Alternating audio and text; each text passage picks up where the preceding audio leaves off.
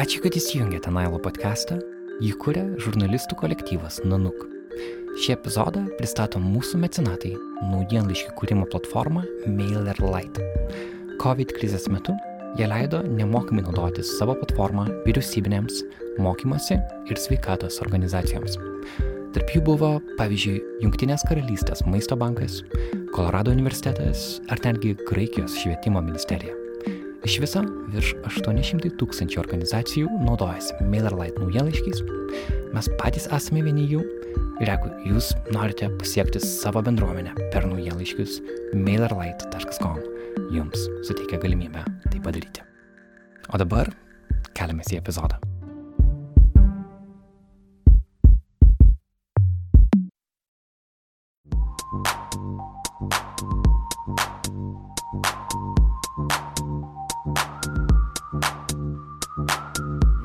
Замерзли уже, нет? Я нет, а вы, вот, может, вы вас... а? В марте команда «Нанук», а именно звукооператор Катажина Битовт, фотограф Северина Винскути и я, журналист Инна Шилина, при поддержке местной общины ездили по Вильнюсскому району и беседовали с его жителями. 8-ąją sukako vieneri metai, kai mes, Nanu komandoje, pradėjome rusišką podcastą. Jį kuria žurnalistė ir producerė Ina Šilina, o jai padeda vienas Nanukį kuriejų - fotožurnalistas Artūras Morozovas. Šiame podcaste kalbama apie šiandienos Rusiją ir Lietuvos rusakalbių bendruomenę. Pavyzdžiui, čia yra ištrauka iš interviu su Leonidu Nikitinskiu, žurnalistu iš Novoje Gazeta, vieno nedaugelio nepriklausomų ir kritiškų Rusijos laikraščių. Была такая программа «Две страны, одна профессия». К сожалению, она захлебнулась. И по этой профессии в Женеву поехали украинские журналисты группы и, и- и российские. Buvo tokia laida Dvi šalis, viena profesija. Ir pagal šią laidą į Ženevą vyko Ukrainos žurnalistų grupė ir Rusijos žurnalistai. Ukrainiečiai su mumis nebendravo, bet ten buvo mano sena draugė, su kuria mes anksčiau kartu dirbome Komsomolskoje. Dabar ji gyvena Kijeve, ukrainietė. Ir mes su ją prisiminę draugystę linksminomės, lankėmės įvairiose kavinėse. Ji sakė, tu suprask mūsų požiūrį į jūs. Ukraina yra kovojanti šalis. Per mūsų televiziją nuolat rodo laidotuvės. Mes šias laidotuvės matome gatvėse. Rusija nėra kovojanti šalis. Rusijoje toks jausmas, karo nėra. Tas, kuris mastų savo galvą, suvokia, kad karas vyksta, arba bent jau buvo. Dabar karo joje yra mažiau, nes mes juk palikome Donbasą. Aš juk žinau žmonės, kurie grįžo iš ten. Jie yra apgauti. Jie kliovėsi Rusiją. Jie ten kažką išdarinėjo ir iš ten išėjo. Ir dabar ten iš vis nesuprasi, kas dedasi. Visiška anarchija. Na karstūtai iš ten atkeliavo. Jie ištirpo Rusijoje. Rusija didelė. Jie visiškai nepateko į televizorių ekranus, kuriuos žiūri masės, jų lik nebūtų. Поэтому вот никаких песен нет, потому что их как бы нет в информационном пространстве. Daugelis jūsų sakėte, kad norite daugiau informacijos apie Nailarų lietuvių kalbą. Tad šis epizodas bus įžanga į tai. Mes susitikome studijoje, kad pasikalbėtume su Ina ir Artūru apie rusišką podcastą ir jo ateitį. Galiu išduoti, kad Nailarų turės savo naujus namus Nanų orbitoje, turės ir naują pavadinimą, bet apie visą tai pačiame interviu. Kartu šis epizodas bus paskutinis prieš pereinant į vasaros tempą. Šis tempas bus lėtesnis, bet su nemažai pokyčių ateityje. Tiek intrigų pradžiai, aš esu Karolis Višniauskas, keliamės į studiją pas Ina Šiliną ir Arturą Morozovą. Ina, Arturai, labas. Labas. Sveikas, smagu matyti studijoje. Ina ir Artūras pirmiausia dirbo prie projekto pavadinimu Kol teka raudona. Jis pasakojo apie Lietuvoje susibūrusią Rusijos politinių pabėgėlių bendruomenę. Buvo pirmasis turbūt dokumentinis projektas e, apie Rusiją. Tai yra, e, kol dega raudona prieš tris metus, du, tris metus, Beveik trys. Kuris pasakojo apie politinius pabėgėlius, apie žmonės turėjusius e, bėgti nuo Kremliaus režimo persekiojimų ir savo namais, laikinais namais, pasirinkusiais Lietuvą. Ir tuo metu atsimenu, kad mes ieškojom žurnalisto. kas mokėtų rusiškai, kas truputį suprastų. Ir atsimenu, buvo gal trys žmonės tokie galimi pretendentai, bet aš net neatsimenu, kaip Ina atsirado tam radare, bet aš atsimenu, kad... Aš galiu papasakoti iš savo pusės. Bet aš atsimenu, kad tu buvai tada Izraelyje. Ne, mes... ten buvo kitaip viskas. Aš buvau Lietuvoje, aš mečiau darbą, tiesiog nu, sakau savo bastą, aš šitą darbą nebedarysiu ir išėjau visiškai nežinia. Galvoju, nu nežinau, ką darysiu nu gerai, bus pertrauka. Ir paskui jau nupirkau bilietus į Izraelį. Ir tiesiog pamačiau Facebook'e kažkokį pranešimą tavo, kad ieškomas žurnalistas. Nu, aš parašiau ir pamiršau. Ir išvažiavau, nes man reikia ten, nu, reikėjo lagaminus, ten viską, nu, ten bagažą ir taip toliau. Ir aš pamiršau ir išskridau. Ir jau Izraelį gaunu tavo laišką, kad labas, tai gal pasikalbėtume ir taip toliau. Aš sakau, nu taip, bet dabar jau iš Izraelio, kada tu grįši? Nu, ir beveik tas buvo klausimas, nu kada reikia, tada ir grįšiu. jo, aš žinau, kad tikrai mes tada atsim parašėm į Facebooką, kad ieškome žurnalisto tokiai temai ir mokančio rusiškai ir rašančio. Ir taip, Ina buvo vienas iš žmonių, kur parašė. Ir aš atsimenu, kad mes pakalbėjom per Skype tada, jo, tai Izraelį buvai ir, ir kažkaip man tai iškart aišku buvo, kad, na, taip, įdomiai mes pakalbėjom, man toks pasirodė toks konkretus, aiškus, iškart galėčiau pasitikėti. Ir tai buvo mūsų pirmas projektas, kur, man atrodo, jis pareikalavo tikrai daug darbo, buvo iššūkis didelis, nes gana sudėtingi, ilgi interviu, sudėtingi personažai, kur nepakanka ten vieno pokalbio papasakot jų istorijos, dar persvartom ir prasidėjo toksai, atrodo, toks mini komandinis darbas tarp mūsų ir tada natūraliai projektas sekė projektą, kitas ir kažkurio metu gal tu atsimeni, kada, kada mes sakom, gal rusiškai padarom temą. Nu, aš tiesiog pasakiau, tu sakai taip. Ir aš pradėjau iš karto daryti. Taip, nes Ina turi radio patirties daug kaip žurnalistė ir tikrai man atrodo, kad pats tas poreikis, vat, ir mūsų komandai, kalbėjom turinio kokybiško, nežinau kaip apibriežtą žodį, kokybiškas nelabai tinka kalbėti. Nes, bet, nu taip, tai yra kokybiškas turinys, sakykime, rusų, rusų kalba, tai yra žmonėm, negaliu sakyti, kad tai yra skirta Lietuvos rusakalbėm arba rusam, nes tai yra, man atrodo, apskritai žmonėm kalbantiem rusiškai, bet, kaip žinom, didelė dalis jų, tai yra jų pirmoji gal kalba. Ir jeigu tu gyveni Lietuvoje moki, kalbi rusiškai, turime kaip savo pagrindinę kalbą ir gauni naujienas rusų kalba, tai nėra daug labai pasirinkimo. Mm.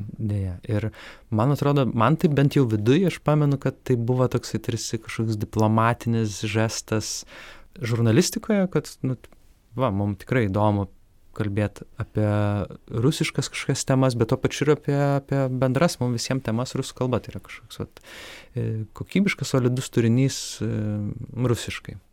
Projekto Kol dega raudonai istorijos pačiai Inai, gyvenančiai Vilniuje, buvo naujos, jas leido jai geriau pažinti šiandienos Rusiją. Sakyčiau, gal man buvo pačiai ir šiek tiek ir kultūrinis šokas, nes aš visada gyvenau Lietuvoje ir beveik niekada nemačiau rusų iš Rusijos ir negalvojau, kad mes iš vis turim kažkokį skirtumą pavyzdžiui, nu aš rus, rusiškai kalbu, jie kalba rusiškai ir taip toliau. Ir niekada negalvojau, kad mes kažkokie skirtingi. Paskui, kai mes susitikom, aš supratau, kad mes, yra, mes labai skirtingi. Jie yra rusai, o aš gal, gal ir rusakalbė, bet lietuvė, jeigu kalbė, kalbėti apie pilietybę. Hmm. A, tai Ko, tada. Kuo skirtingi? Kuo skirtingi? Visko.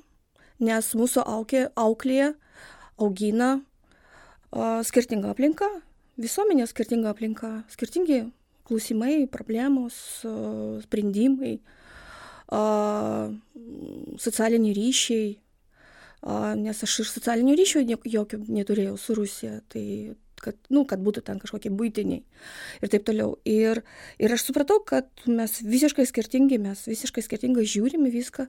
Iš kitos pusės visi tie dalykai, kurie jie pasakoja, a, aišku, tu niekada negalėjai patikėti, kad iš vis tai gali atsitikti žmogui. O tai atsitinka, mes šitoks tiesiog, tiesiog su to nesusidurėm. Ir va, mes padarėm tą projektą ir paskui buvo tapatybė, Tapatybė yra tekstinių pokalbių serija su Lietuvoje gyvenančia nauja rusakalbių karta. Nuo menininkų iki mokytojų iki politikų.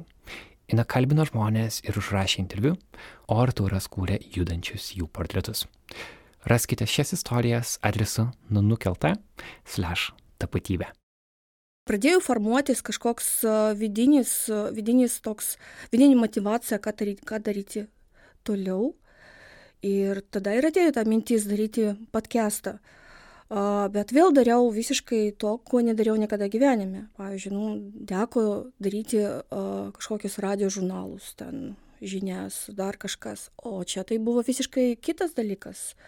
Nes ir dabar, jeigu sakyti apie tą kelią metinį, tai tik dabar pradedu suvokti, kas išryškėja, kas išeina, kas domina ir ką gal turėčiau vystyti toliau ir supratau, kad gal išsipildo ir mano tokia viena svajonė.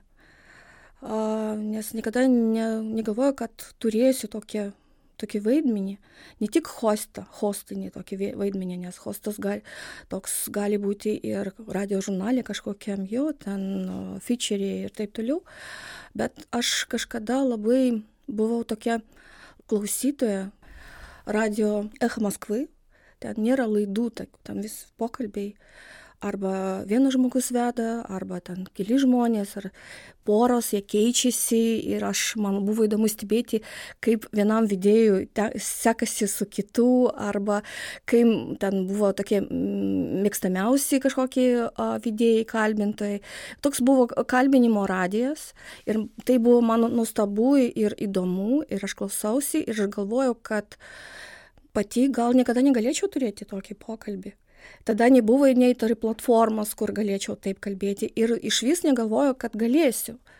Paskui man buvo kita aistra, tai uh, Radio Svaboda, irgi tada podcastai. Uh, aš prisimenu, tai prieš dešimt metų aš labai klausausi būtent Radio Svaboda podcastų. Ir irgi mm, toks stilius buvo uh, kad irgi galvoju, ar aš galėčiau, pavyzdžiui, padaryti tokį ar tokį, pavyzdžiui, pokalbį ir taip toliau. Ir kai pradėjo, prasidėjo tas Nailarų, gal aišku, suveikė vis, visas tas mano klausimusi patirtis ir norai. Ir kažkaip pradėjau judėti link to, nes uh, tiesiog buvo įdomu daryti pokalbius, kad um, nebūtų kažkoks ten surežisuota laida, su kažkokiu scenarijum ir taip toliau, buvo įdomiausia tiesiog kalbinti. Aišku, tikslai buvo skirtingi, nes paskui aš supratau, kad yra ten keli, keli kryptis iš to, ką mes darom. Nes pirma, tai pirmas ar pirma, kryptis tai yra pirma. moteriška kilmė. Aš man visada sunku. Nes... Pirma kryptis. Tai. Unisex. Unisex. Kaip sakys taip gerai. Nes rusiškai направление tai средний род, o lietuvių kalboje aš... Moteriška. Moteriška, jo. Tai va, ir tada aš supratau, kad pirma kryptis tai yra tai, kad buvo labai įdomu išgirsti žmogaus, kuris gyveno Lietuvoje, balsą, kaip žmogų tokios naujos naujos tokios bendruomenės, naujos visuomenės, nes per 30 metų mes praėjom labai didelį tokį kelią ilgą ir net patys nei žmonės, nei mes nepastebėm iš save, save nepastebėm, kaip mes skirtingai vystomės turbūt. Nes liko ta rusų kalba, bet tas turinys, kuris išsakomos rusiškai čia, jis yra skirtingas, negu, pavyzdžiui, jis yra Rusijoje, arba ten Kirgizijoje, arba Kazahstane, arba dar kažkur. Nes tiesiog tai buvo įdomu išgirsti tokį žmogaus a, Lietuvos visuomenės balsą rusų kalba ir nebūtinai, kad jis būtų rusas, nes mes kaip pirmais, ten, pirmam pakestui nuvažiavom į regioną, ir mes pakalbintam aštuonis, aštuonius žmonės ir jie buvo skirtingų turbūt tautybių, tiesiog mes kalbėjom rusiškai, kai, kai kurie mokėjo kalbėti lietuviškai laisvai, kai kurie ne. Tiesiog buvo įdomu išgirsti. Ir iš kitos pusės, kodėl man iš vis kyla ta idėja kalbinti regione, nes kai ruošiau tapatybės vieną interviu, vienas iš pašnekovų pasakė, kad jis dažnai lankosi regionuose, kaimuose ir žmonės džiaugiasi tik tuo, kad gauna dėmesio. Tiesiog to, kad jie kažką mato, kažkas su jais kalba. Tiesiog, kad jie dažniausiai ne, neturi jokio dėmesio. Ten iš medijų, ten ir taip toliau. Ir jie lab, ar politikų, pat pas jas niekas neatvažiuoja ir taip toliau. Ir man buvo svarbu, kad ir pačiai įdomu, ir jiems duoti tą, nu, tą platformą, tą tribūną kalbėti. O kiti visi pokalbiai, a, kita, kita tokia linija, kita, kitas, kryp, kita kryptis buvo tai, kad aš nebuvau Rusijoje gal 20 metų. Ir žinau aplink save žmonių, kurie ten niekada nebuvo. Ir nežinau, ar bus kada nors. Nes yra tokie visokių dalykų, kad uh, yra ir tai, tie nepatogumai, yra ir baimė, yra ir nusiteikimas prieš dėl politinių visokių priežasčių. Nu ir gal, kaip nesakyčiau, kad čia žodis madinga, bet, nu, nesil, kad į tą pusę iš vis nelabai taip ir, nu, krūta, nežinau, žiūrėti.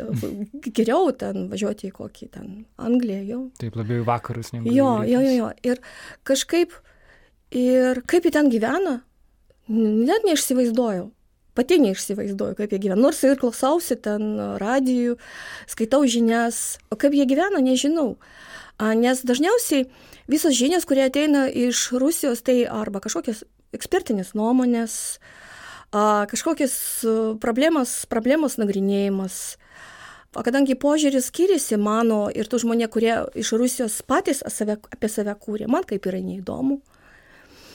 Ir tada, taip ir kažkaip ir išsivysto ta linija, kad atvažiuoja kažkokie svečiai čia, kažką pristatyti, kažkur sudalyvauti kažkokioje konferencijoje, festivalėje ar dar kažką.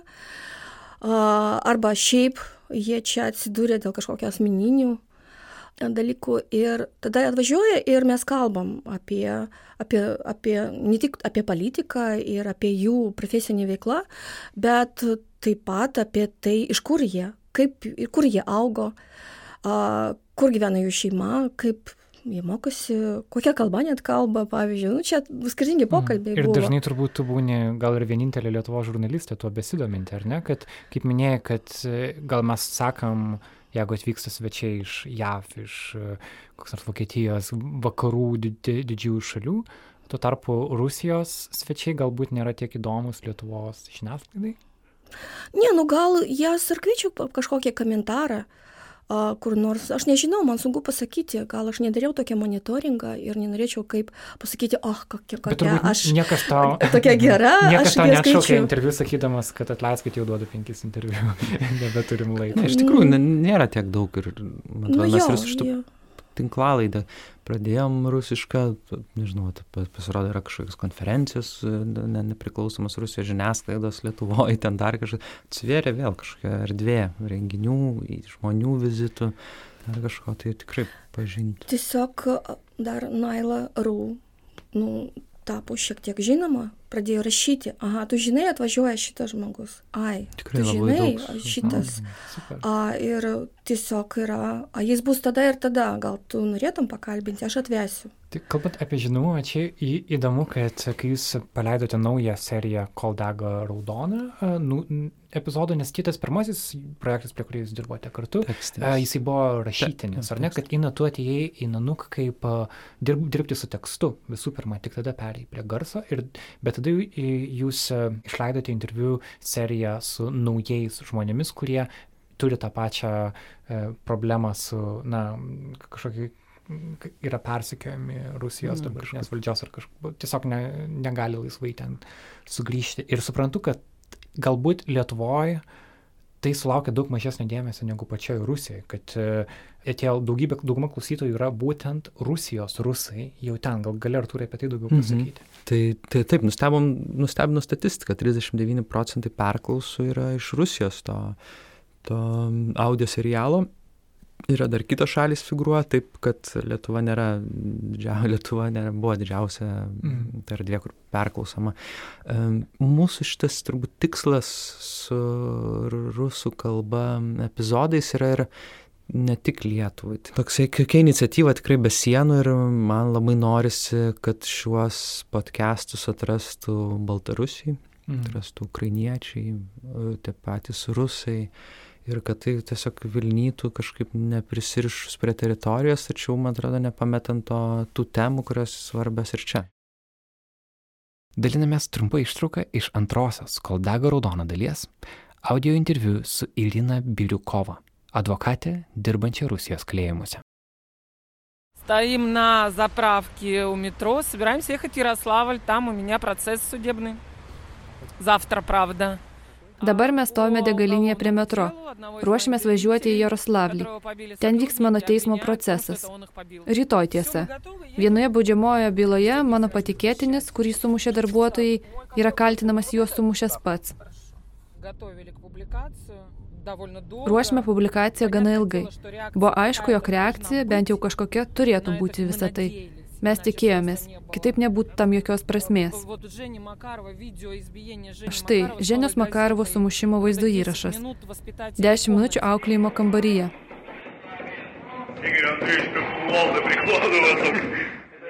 Šioje vietoje įspėjame, kad girdėsite kankinimo kalėjime garsus. Juos advokatė Irina slapta gavo 2018 metais. Vaizdo įrašą su šiais garsais iš visos Rusijos žiniasklaidos išdrįso publikuoti tik Novoje gazetą.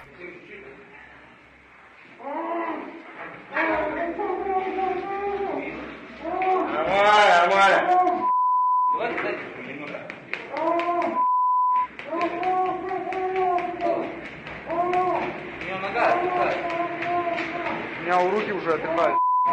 Это получилось сильно громче. Kai pasipylė grasinimai, aš iš pradžių nepasakojau. Bet kai vaikinai paskambino ir pasakė, yra, vaikinai iš kolonijos perdoda, kad neva ji nevažiuotų. Na, kad ji ilgai negyvens. Ir panašiai. Vakare man rašo, kraukis lagaminą, didelį. Sako, tu pati saugusi, bet turi dukrą. Viskas, nagi važiuok. Bilietas kol kas į vieną pusę. начали рассказывать, что надо делать, что не надо делать, где мы будем жить, кто будет рядом, не рядом, надо, не надо ли круглосуточная охрана, еще что-то такое. Вот. Сейчас это все довольно смешно уже кажется.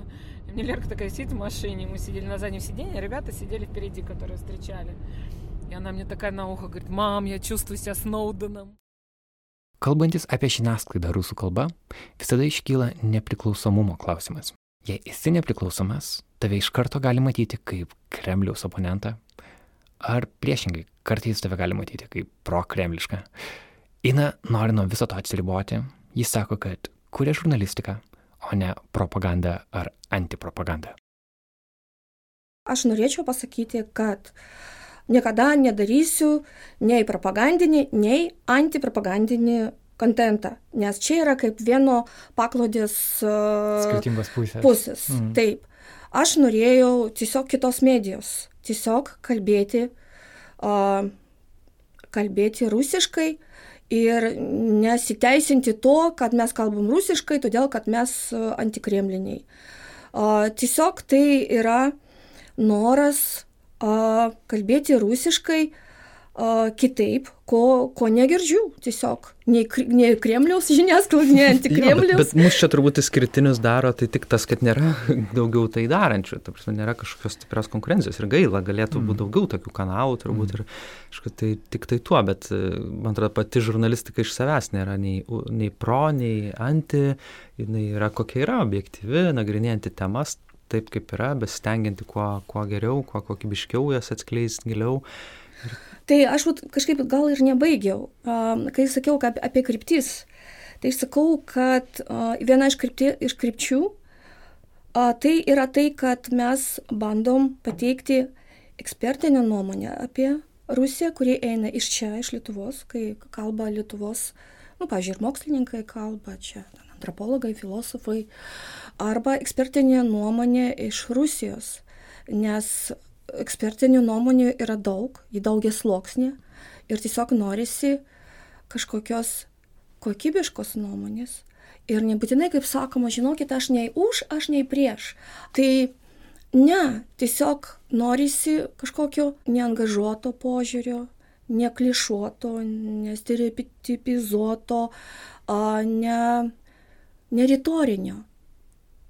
Hmm. Nes yra visokių ritorik, retorikų, jo, retorika, karinė retorika, ten hybridinė karo retorika, ten aukos. Aukos retorika, polėjų retorika, ten, bet ko, kokia dar, tai norisi tos ekspertinės nuomonės, kuri tikrai kažkaip giliai pažvė, pažvelgs į tą procesą, kuris vyksta, kurį mes gal ne iki galo suprantam.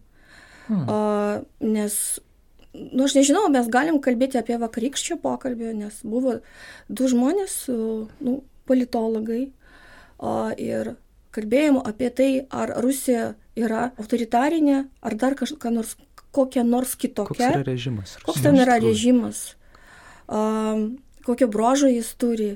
Ir mano pašnekovas pasakė a, Raimondas Lopata pasakė apie tai kad tai yra a, tai yra autokratija ir tiesiog nu, labai senų laikų ir niekas, nu kažkas pasikeitė, bet esmė ne. Ir, ir pagrindinė problema dėl to, kad ji yra tokia, kad ten nėra paisoma, nusavib, nėra paisoma nusavybės teisė. Ir sakyti, kad aš apie tai dažnai girdžiu ir man teko skaityti dažnai, aš, aš nesu politologė, mm, bet aš šiaip stebiu daug kas, kur sakoma ir rašoma.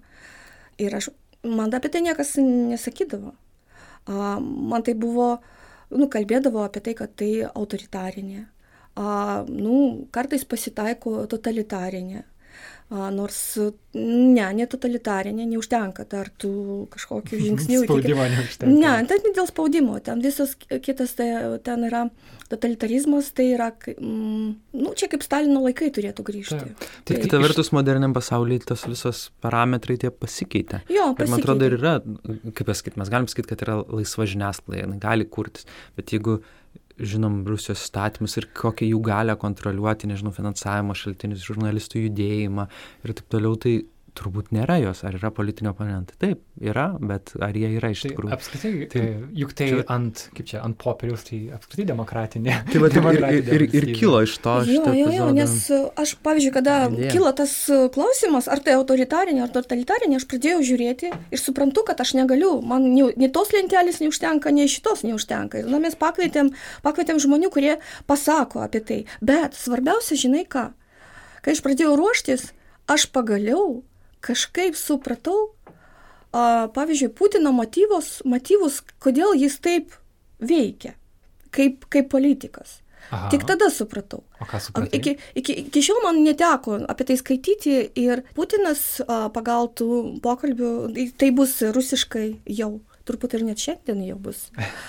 A, ir apie tai, kad Putinas kūrė tokias lokalinės zonas, tokias situacijas, kurias jis gali valdyti. Ir čia yra taip, noriu va, valdau, noriu ne. Tiesiog toks yra iliuzorinis valdymo a, toks a, mechanizmas a, ir, tai, ir tada ir, ir, ir atrodo, kad jis kontroliuoja situaciją.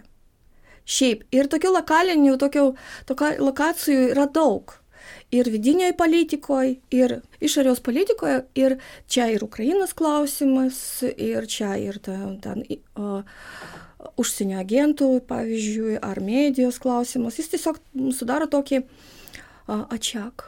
Gal lietuviškai jis blogai skamba, čia rusiškai geriau. Tai, tai nesvarbu. Iš to, ką aš girdžiu dabar, suprantu du dalykus. Kad uh, tu pati bandai suprasti šio laikinę Rusiją lygiai taip, kaip Nailo Rūk.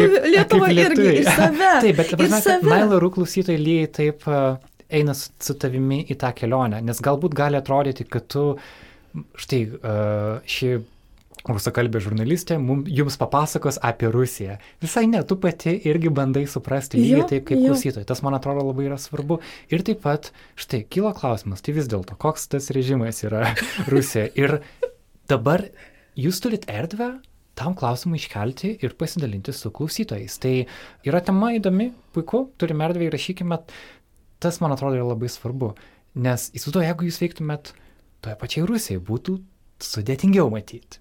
Nesakau, kad jūs negalėtumėte veikti, bet būtų, įsivaizduoju, kad daugiau nerimo. Mhm. Ir turbūt tą, tą girdėjote iš tų žurnalistų Rusijos, su kuriais kalbėjotės. Galbūt galima šiek tiek su kažkokias istorijas galbūt pamenat iš pašnekovų, kurie, kurios jums įsiminė. Ką, ką galbūt lietuviai klausytojai, tiksliau, lietuvė kalbiai klausytojai to neišgirdo dėl kalbos barjerų. Geriausias man pokalbis buvo galbūt tas žurnalistas iš Novoje gazetą, kuris atvažiavo iš Maskvos, Leonid Nikitinskiai.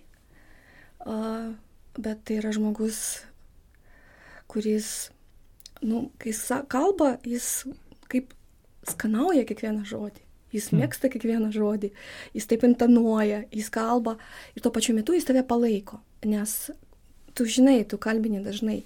A, yra skirtingi pokalbiai ir labai gerai m, mm, pasitaiko tokie žmonės, kurie netiesiog ir tave palaiko, ir tu jį palaikai. Ir tada toks, toks ryšys.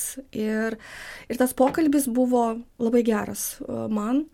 Ir aišku, atnešė labai daug įdomių ten minčių ir taip toliau, bet jis yra taip ir mano ausi, ausims kažkaip tas buvo gera, gera jį klausyti.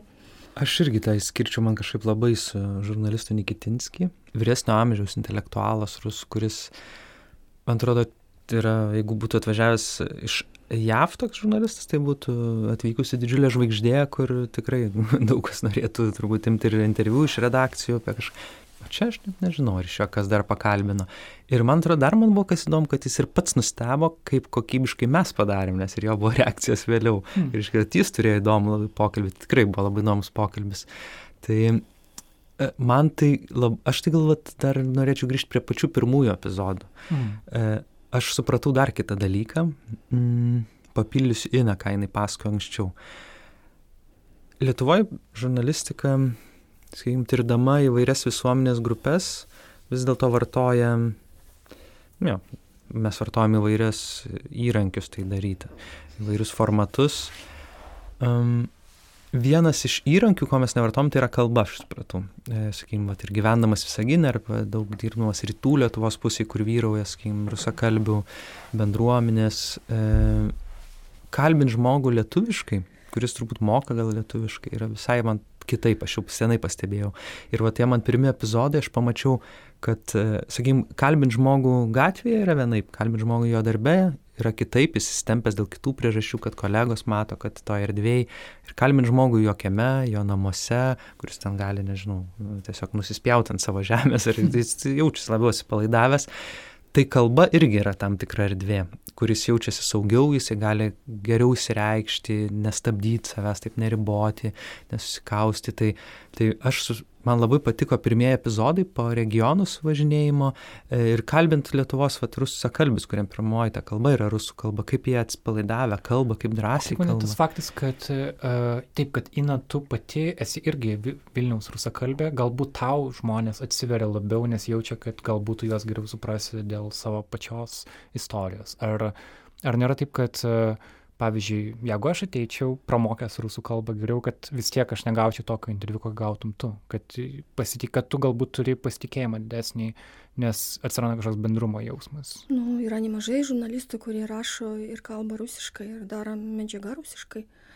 A, ir tie, tą medžiagą aš mačiau, teko skaityti ir čia turbūt geriau nežinoti tą receptą. Nes mm. dažna, dažniausiai, kai sužinoji, tada ir nebeišeina. mhm. Nežinau. Uh, tai ne, man atrodo, čia ne tai yra svarbiausia, nes yra kitų žurnalistų, kurie irgi kūrė. Ir gal jiems irgi pavyksta, man sunku, sunku taip pasakyti, kad jie taip dėl to atsiveria. Uh, čia gal tiesiog svarbi kalbinimo technika. Uh, Vat sakyčiau, kad gali būti skiriasi, nes aš suprantu tokį dalyką, kad ne visiems žmonėms patinka tiesioginiai klausimai. A, yra tokių pašnekovų, kurie, pavyzdžiui, nepriprato kalbėti mikrofoną. Su jais reikia kalbėti tokiu, mm, kaip aš net nežinau, kontekstiniu kažkokiu mm. būdu, kada tu tiesiog kažką pats sakai, pasakoji, tiesiog pritraukia kažkokius, nežinau, įvykius apie, apie tai, ką, kas aplink ir taip toliau. Ir, ir per tą, tai visada ilgiau, tai visada daugiau audio, audio medžiagos ir taip toliau. Čia ir labai daugiau redagavimo po to. Daugiau redaga, redagavimo, jo.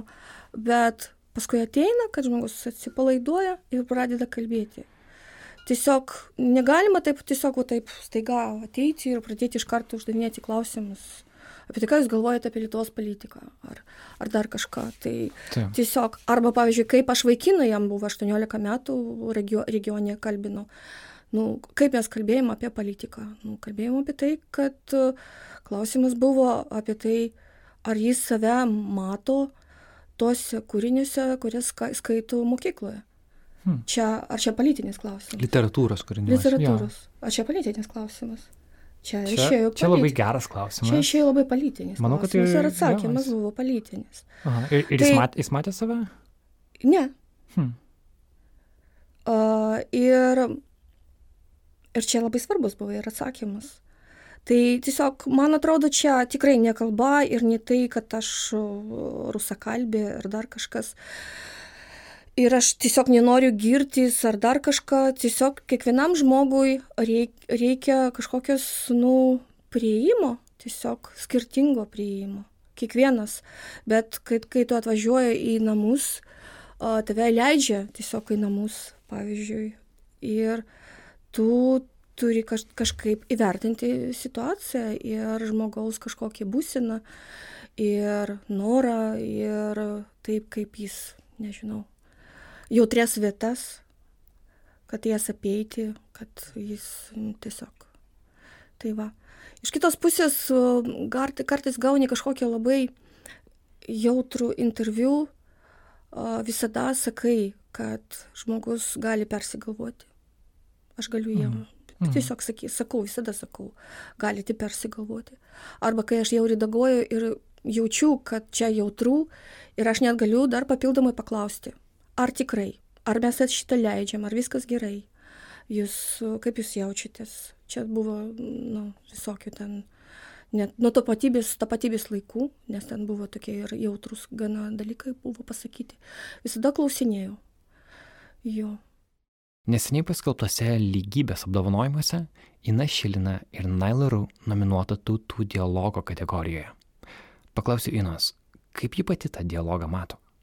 Metaforiškai kalbant, kokius tiltus tarp lietuviško ir rusiško pasaulio ji nori nutiesti.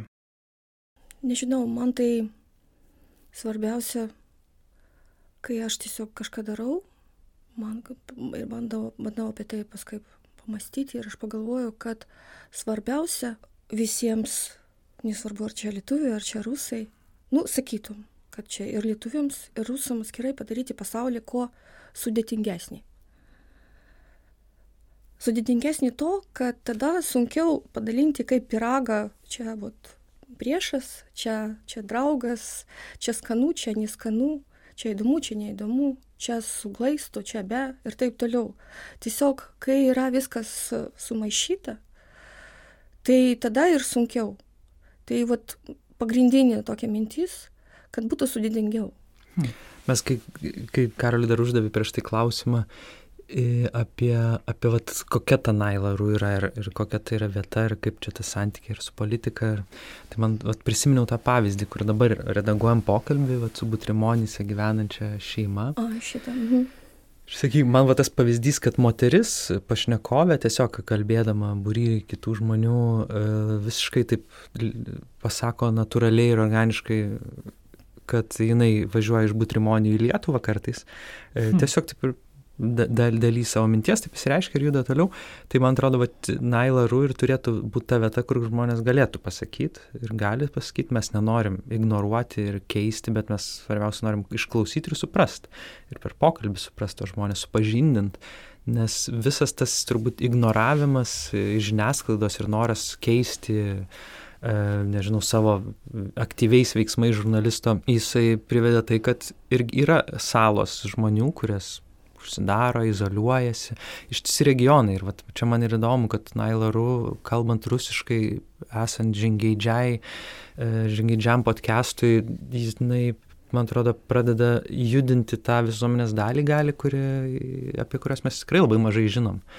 E, tas, tas, tas pats, nežinau, rytų, visas Lietuvos pusė, Klaipėda, visa Ginas, man atrodo, kad ir kiek kas politizuotų ką, kaip yra pergalės diena, taip ir eina karta iš kartos. Ateina vaikai, sega, e, nežinau, deda vainikus ant žūsių.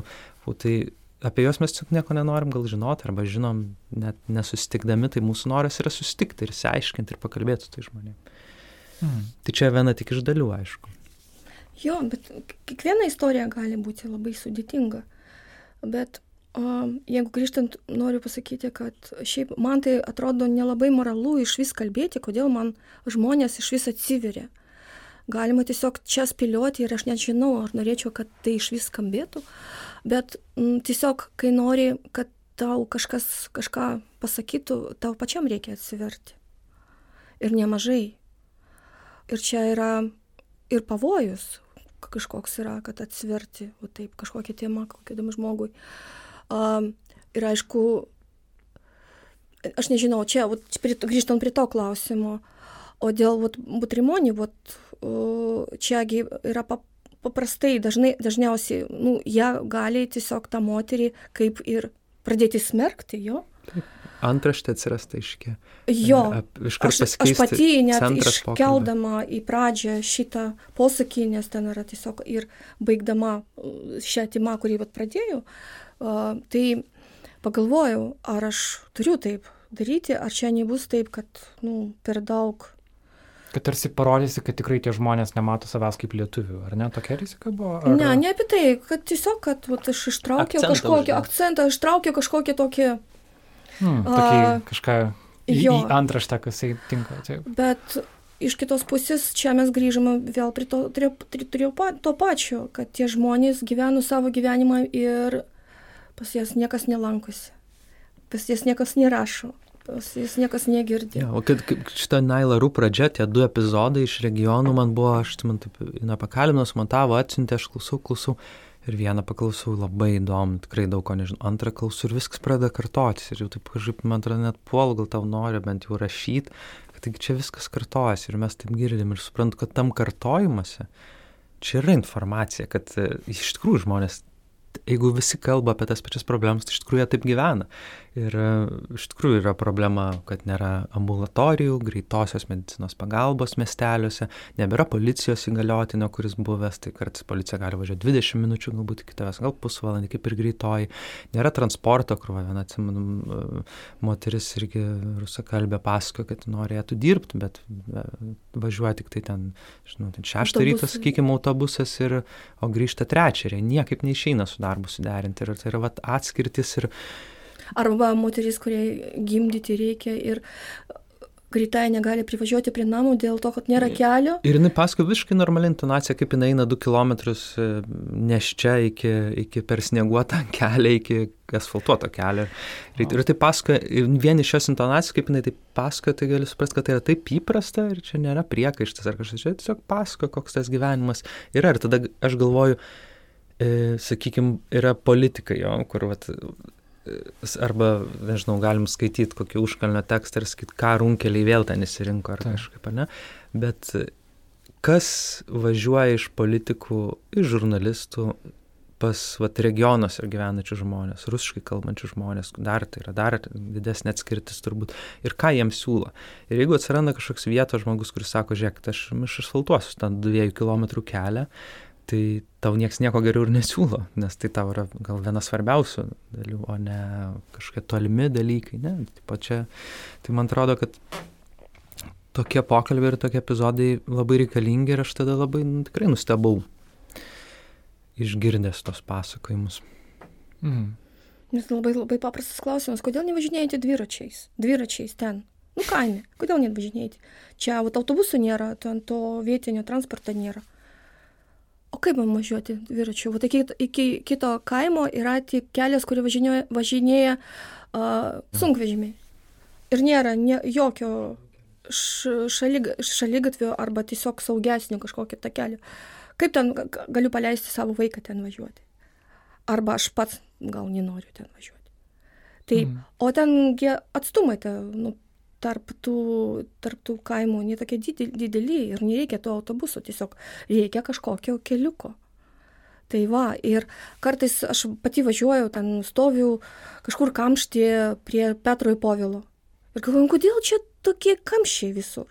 Kodėl? Aš nuvažiavau į tą, į tą kelionę podcastui ir suprantu, kodėl. Aš dabar žinau, kas stovi šalia su manim kamščiuose tie žmonės, jie važinėja savo automobiliu, jie kompensuoja tai, kad jie neturi kažkokio viešojo transporto.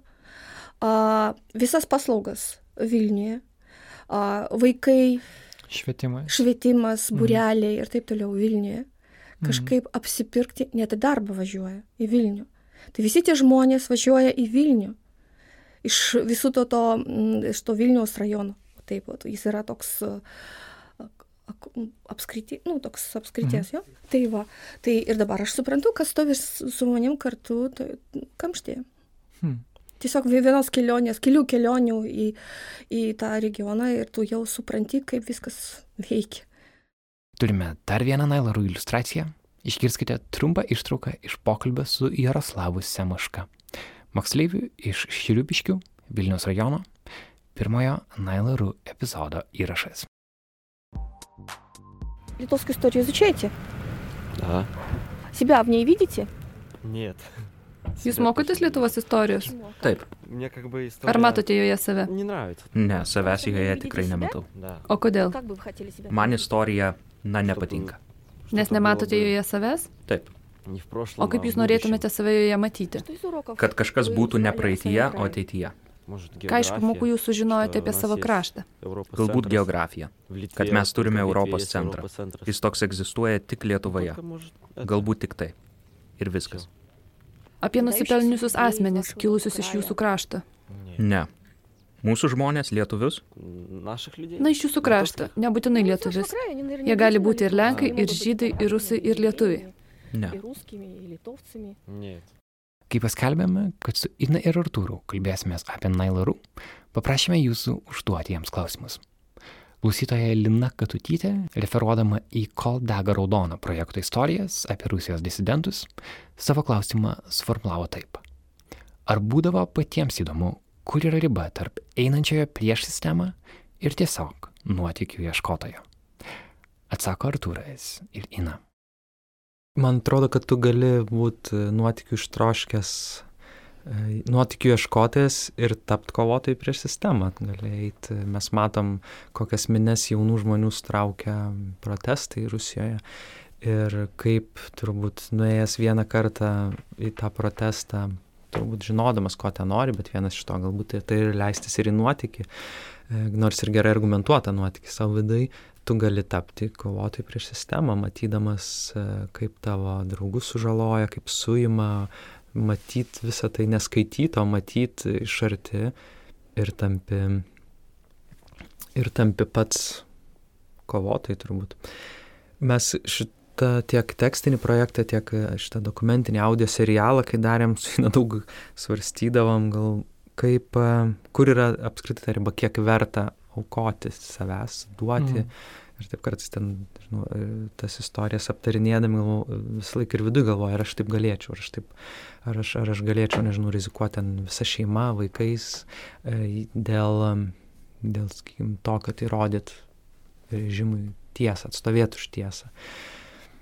Tai tai yra labai įdomu, bet e, taip, reikia suprasti, kad tai nėra, tai turbūt, kad tu atsikeli vieną dieną ir darai tokį sprendimą, įsitrauki po labai truputį, nu, nežiūri, kaip neteisybė vyksta aplink tavęs ir tiesiog matai turbūt, kad nebėra galimybių grįžti atgal ir tiesiog tik eiti priekį. Ir... Nu, motyvai gali būti skirtingi ir nematau ne vieno gėdingo.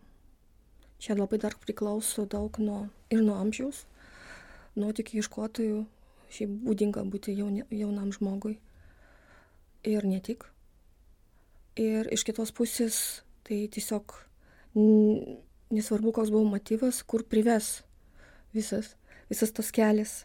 Nes, pavyzdžiui, kaip nusileisti draftų kažkokio ten e, kalno upelė, upė, paskui tu supranti, kad gal persistengi, gal nenorėjai, visą procesą negali sustabdyti.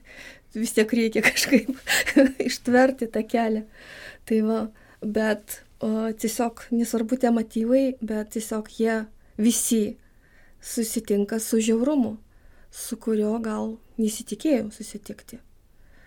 Ir, ir dažnai tiesiog mes čia gyvenam tokią ramesnį gyvenimą, saugesnį. Ir tie dalykai, kurie jiem, jiem jau yra įprasti, jo, mums atrodo žiaurus. Bet yra tokių dalykų, kad kurie ir, ir jiems jau žiauriai.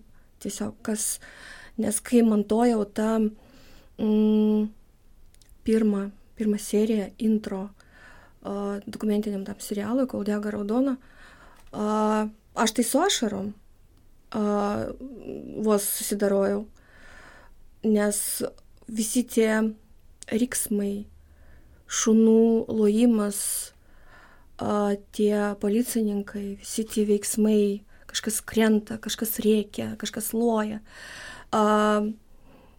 Ir kažkas bėga, ir kažkas metama. Ir visi tie garsai, tu vaizdo neturėti garsą. Ne, vaizdą aš šiaip irgi turėjau, bet vat, aš kai, kai reikėjo garsą sumontuoti, tai daug, daug kartų reikia kažką išklausyti. Jo. Tai yra tikras garsas iš kankinimų? Jo, a, ir kitas, kitas, kita medžiaga buvo, kad kankinimas, ten tiesiog a, buvo kamera a, nufilmuota a, tiesiog a, kolonijoje, kaip mm. kankinamas žmogus, jis buvo nuogas ant stalo, ten padėtas, nežinau, pririštas ar ne, ir ten kažkiek 16 ar 18 žmonių jį kankino, mušė jie per pėdas. Uh, ir, ir vienas iš jų, pavyzdžiui, pasako tokį žodį, oi, žiūrėk, jam koja tinsta. O jis sako, o man jau ranka tinsta. Tinsta dėl ko? Dėl to, kad jį muša. Įmuša mm. jam pačiam tinsta ranka, todėl kad jis muša jam per koją. A, aš tai suprantu, kaip tai gali būti ska, nu, skaudėti žiauriai žmogui. Čia yra toks kankinimo būdas, per pėdas, va, taip, Ta. mušti. Tai ir reikėjo sumontuoti, tiesiog tu išrinkti tas gabalus ir, nu, ir oh. tai man tai buvo sunku. Tai mes kalbinom tokį vieną advokatę mm. iš Maskvos, kuri kuriai teko po to, kai jį kartu su Novaja Gazeta publikavo tą video, kurį gavo iš kolonijos, jai tiesiog ją atsiuntė. Jai teko tiesiog uh, slėptis, bėgti iš šalies kuriam laikui, nes buvo grasinimų, rimtų grasinimų, kai pasirodė ta medžiaga uh, viešumoje ir, ir mes ją kalbinom. Ji yra tos srities kankinimų, pavyzdžiui, kolonijose, tokia, nu, nežinau, specialistė, ne, nežinau kaip čia. Darbuojas tos ir ty, būtent su tokiam tiesiog, bylom. Tokiais. Jo, ir irgi Vilnių buvo atvykusi, ar, ar čia gyvena? Ten šitą projektą mes darėm kartu su, su Semna Seim, tokia regioninė. Rusų žurnalistais. Ir Semna Seim organizacija. Ir jie, ir jie tiesiog pakalbino jie ten, o aš čia tiesiog paskui tą medžiagą redaguojau ir suvedinėjom visą tą garsą ir taip toliau. Tiesiog buvo taip, ten yra aštuonios istorijos, keturios buvo įrašyti čia ir keturios buvo įrašyti ten. Tai va, ir ten mm, padėjo ten mūsų, mūsų rusų kolegos jau. Supratau, labai įdomu. Ir šitą medžiagą tikrai norisi, kad jį būtų prieinama ir žmonėm, kurie rusiškai neklauso. Ir mes planuojam komandoje tai daryti, ar ne? Kad ir nanuk ateities planuose turim uh, norime išversti bent jau dalį rusiškų interviu į lietuvių kalbą, paversti juos tekstais, kad tos istorijos būtų prieinamos, ar ne. Ir taip pat, e, ką minėjau pačioje pradžioje, kad yra noras e, padaryti rusišką podcastą atskirų vienetų, nes dabar jis yra greta e, Nailo podcastų, ir, bet, bet jeigu žmonės nori klausyti tik tai rusiškų, jiems kol kas nėra tokios galimybės, jiems lietuviškai eina greta. Bet tai nebus ilgai, ar ne? Mes, mes uh, įvyks toks naujas rusiško podcast'o startas, gal galima apie jį dabar pirmą kartą ir anonsuoti iš ties. Žmonėm dar, mes jau komandą tai apstarę, bet į išorę dar nesam to pasakę. Tai taip, mes pradėjom prieš metus šitą podcastą, tai buvo kažkuo eksperimentas ir nežinojom, kaip, kaip seksis, kaip eisis, bet, bet džiugu, per šitus metus įvyko daug svarbių temų, sulaukėm palaikymo, matom turbūt tą poreikį ir patys jaučiam džiaugsmą dirbdami. Ir tai užaugo atskirų kūnų, norisi jo, tai, tai atskirti, gal, gal kad nesimaišytų, pavyzdžiui, ten duot partneriam Rusijoje nuorodą, tai šiandien jeigu mes duodam jiem tą nuorodą į rus, rusiškus epizodus, tai jie turi atrasti tarp lietuviškų ar ten kažkiek ir angliškų mhm. tą rusišką turinį, tai šitas e, virs, nu, jo, atskirų, atskirų kanalų, e, kadangi Ina sugalvoja pavadinimą, tai pasakyk, kaip jis vadinasi. Jis vadinasi kometa. Arba Komet? lietuviškai kometa. Taip turbūt. Čia buvo labai sun, sunkiai užduotis, nes buvo svarbu, kad vis tiek tai būtų latiniškas pavadinimas, kuris būtų aiškus visiems. Ir Lietuvoje, ir Rusijoje, ir taip toliau.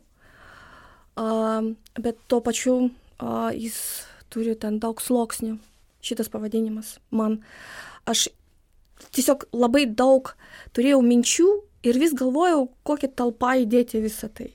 Ir vis negalėjau suprasti, koks žodis, nes a, kalbam rusų kalba, kuri kaip ir deteritorizuota.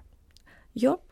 A, taip pat kalbam kalba, kuri yra čia mažumos, mažumos kalba. O taip pat tokių mažumų, mažumos kalbų yra labai daug visur kitur. Ir nu, Baltarusijoje dar ne, bet pavyzdžiui, ten yra tokių a, buvusių sovietinių respublikų, kai yra vis tiek rusų yra mažumos kalba, arba tai yra visokių diasporų kalba kurie ir naujų irgi, kurie žmonės bėga iš Rusijos ir kūrė naujas diasporas ir, ir jie vartoja rusų kalbą ten. Ir aš galvojau, kad ir iš vis kurti ką, na, ką nors rusiškai, tai toks irgi yra toks atskiras kūnas, kad mes kalbam, jau Lietuvoje kalbam, tai jo. Ir aš galvoju, kad vat, į ką įdėti visą, visą, visi, visus šitus dalykus. Ir kažkaip iškilo ta idėja dėl to mažo, mažo kūno mhm. kometa. Ir šiaip jis šiek tiek man iš kaip ir iš dviejų žodžių. A, žodžių kol, komanda, kartu ir kiti žmonės, ir meta, kuri turi labai daug visokio reikšmių. Tuo tarpu ir kad mes ir gyvenam tokia dabar uh, meto, meta laikais, jo. O, taip. Taip, ir tiesiog tada pagalvojau, kad uh, tai gali būti tas pavadinimas, kur, kur telpa visi dalykai. Man labai patiko vienas priekaištas, nes dėl to, kad buvo jis išsakytas, tas priekaištas aš iš karto ištraukiau labai daug kito konteksto. Uh, nes buvo pasakyta, kad nu, sovietmečių buvo daug naudojama tų, tų dangaus Ko, kosminių, kūnų, kosminių visų dalykų. Taip, taip, kosmonautų ir aš, jo, ir aš tada pradėjau galvoti apie tai, kad šiaip iš kur kyla visi tie dalykai. Ir tai buvo tas uh, rusų mąstytojas, tas uh, Fiodorovas. Uh, tai, uh, ir iš vis tas rusiškas kosmizmas, kuris šiaip gimė iki, iki revoliucijos dar, paskui ten. Uh, tai yra gal išviesiausia ir mm, šviesiausia mintis iš to, kas, ką mes turim iš sovietmečio. Ir, uh, ir gal tai buvo toks utopinė mintis.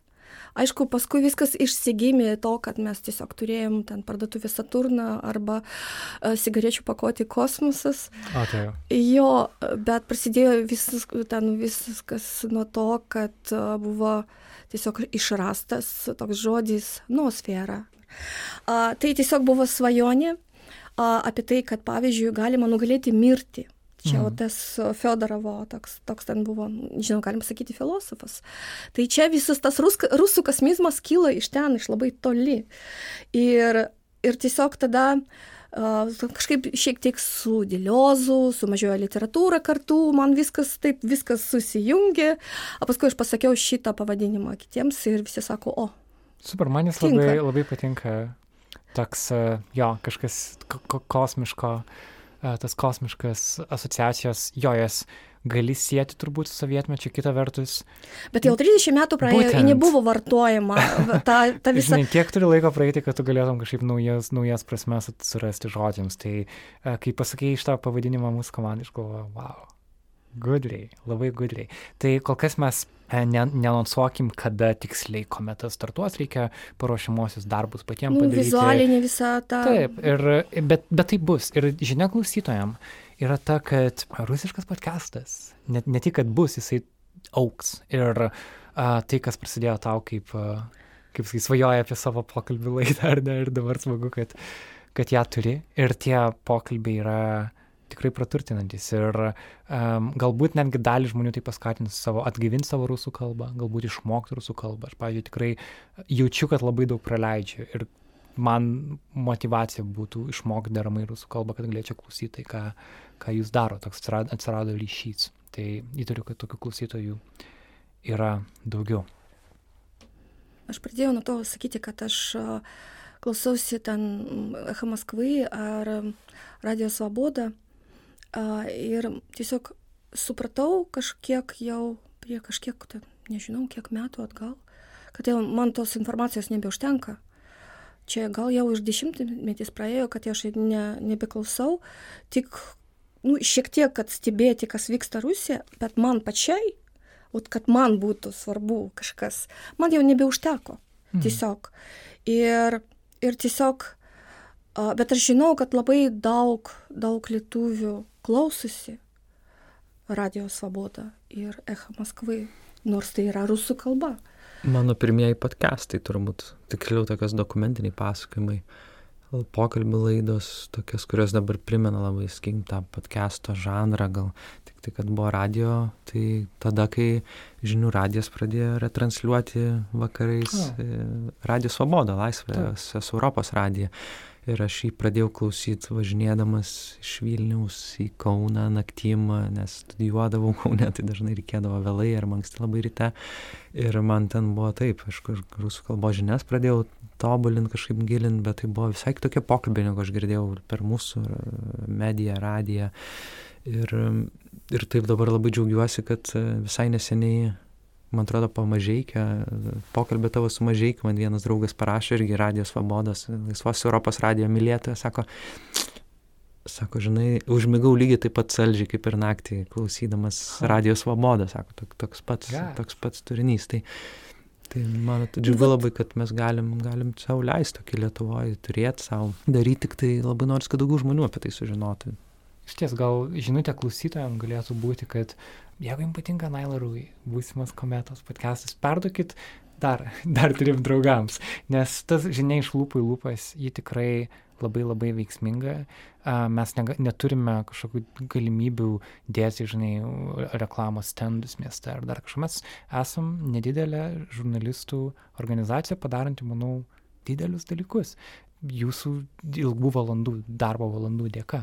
Tai klausytojų indėlis į, tikrai yra labai svarbus. Plus reikia padėkoti visiems klausytojams, kurie į Patreoną atėjo. Manau tikrai, kad dalis jų yra specifiškai dėl rusiškų podcastų. Kai paskelbėm apie šitą interviu, buvo klausytojų, kurie sakė, o rusiškai yra mano mėgstamiausi. Tai labai mm, gera, kad būrėsi ir klausytojų bendruomenė. Kad to reikia ne tik jum patiems, bet ir, bet ir, bet ir klausytojams. Eina, ačiū tau labai už e, pokalbį ir už tavo darbą. Arturai, a, dėkui, kad buvai kartu ir sėkmės jums vystant kometą. Tai Ačiū. ačiū, tau, kad Ačiū tau už pokalbį, taip. Žinau. Ir Iki.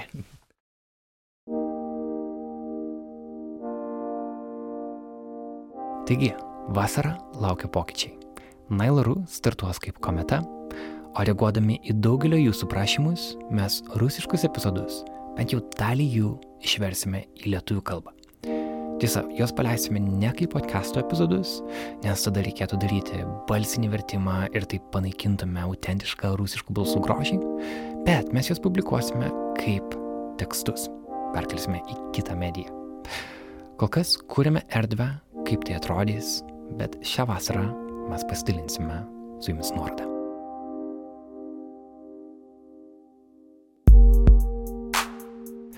Taip pat, kaip minėjau pradžioje, nuo ateinančios savaitės periname į vasaros lėšimą. Tai reiškia, kad lietuviško podcast'o nepaleisime kiekvieną savaitę, kaip tai darėme iki šiol, Bet epizodai vis tiek pasirodys, tik tai netokiu reguliariu tempu.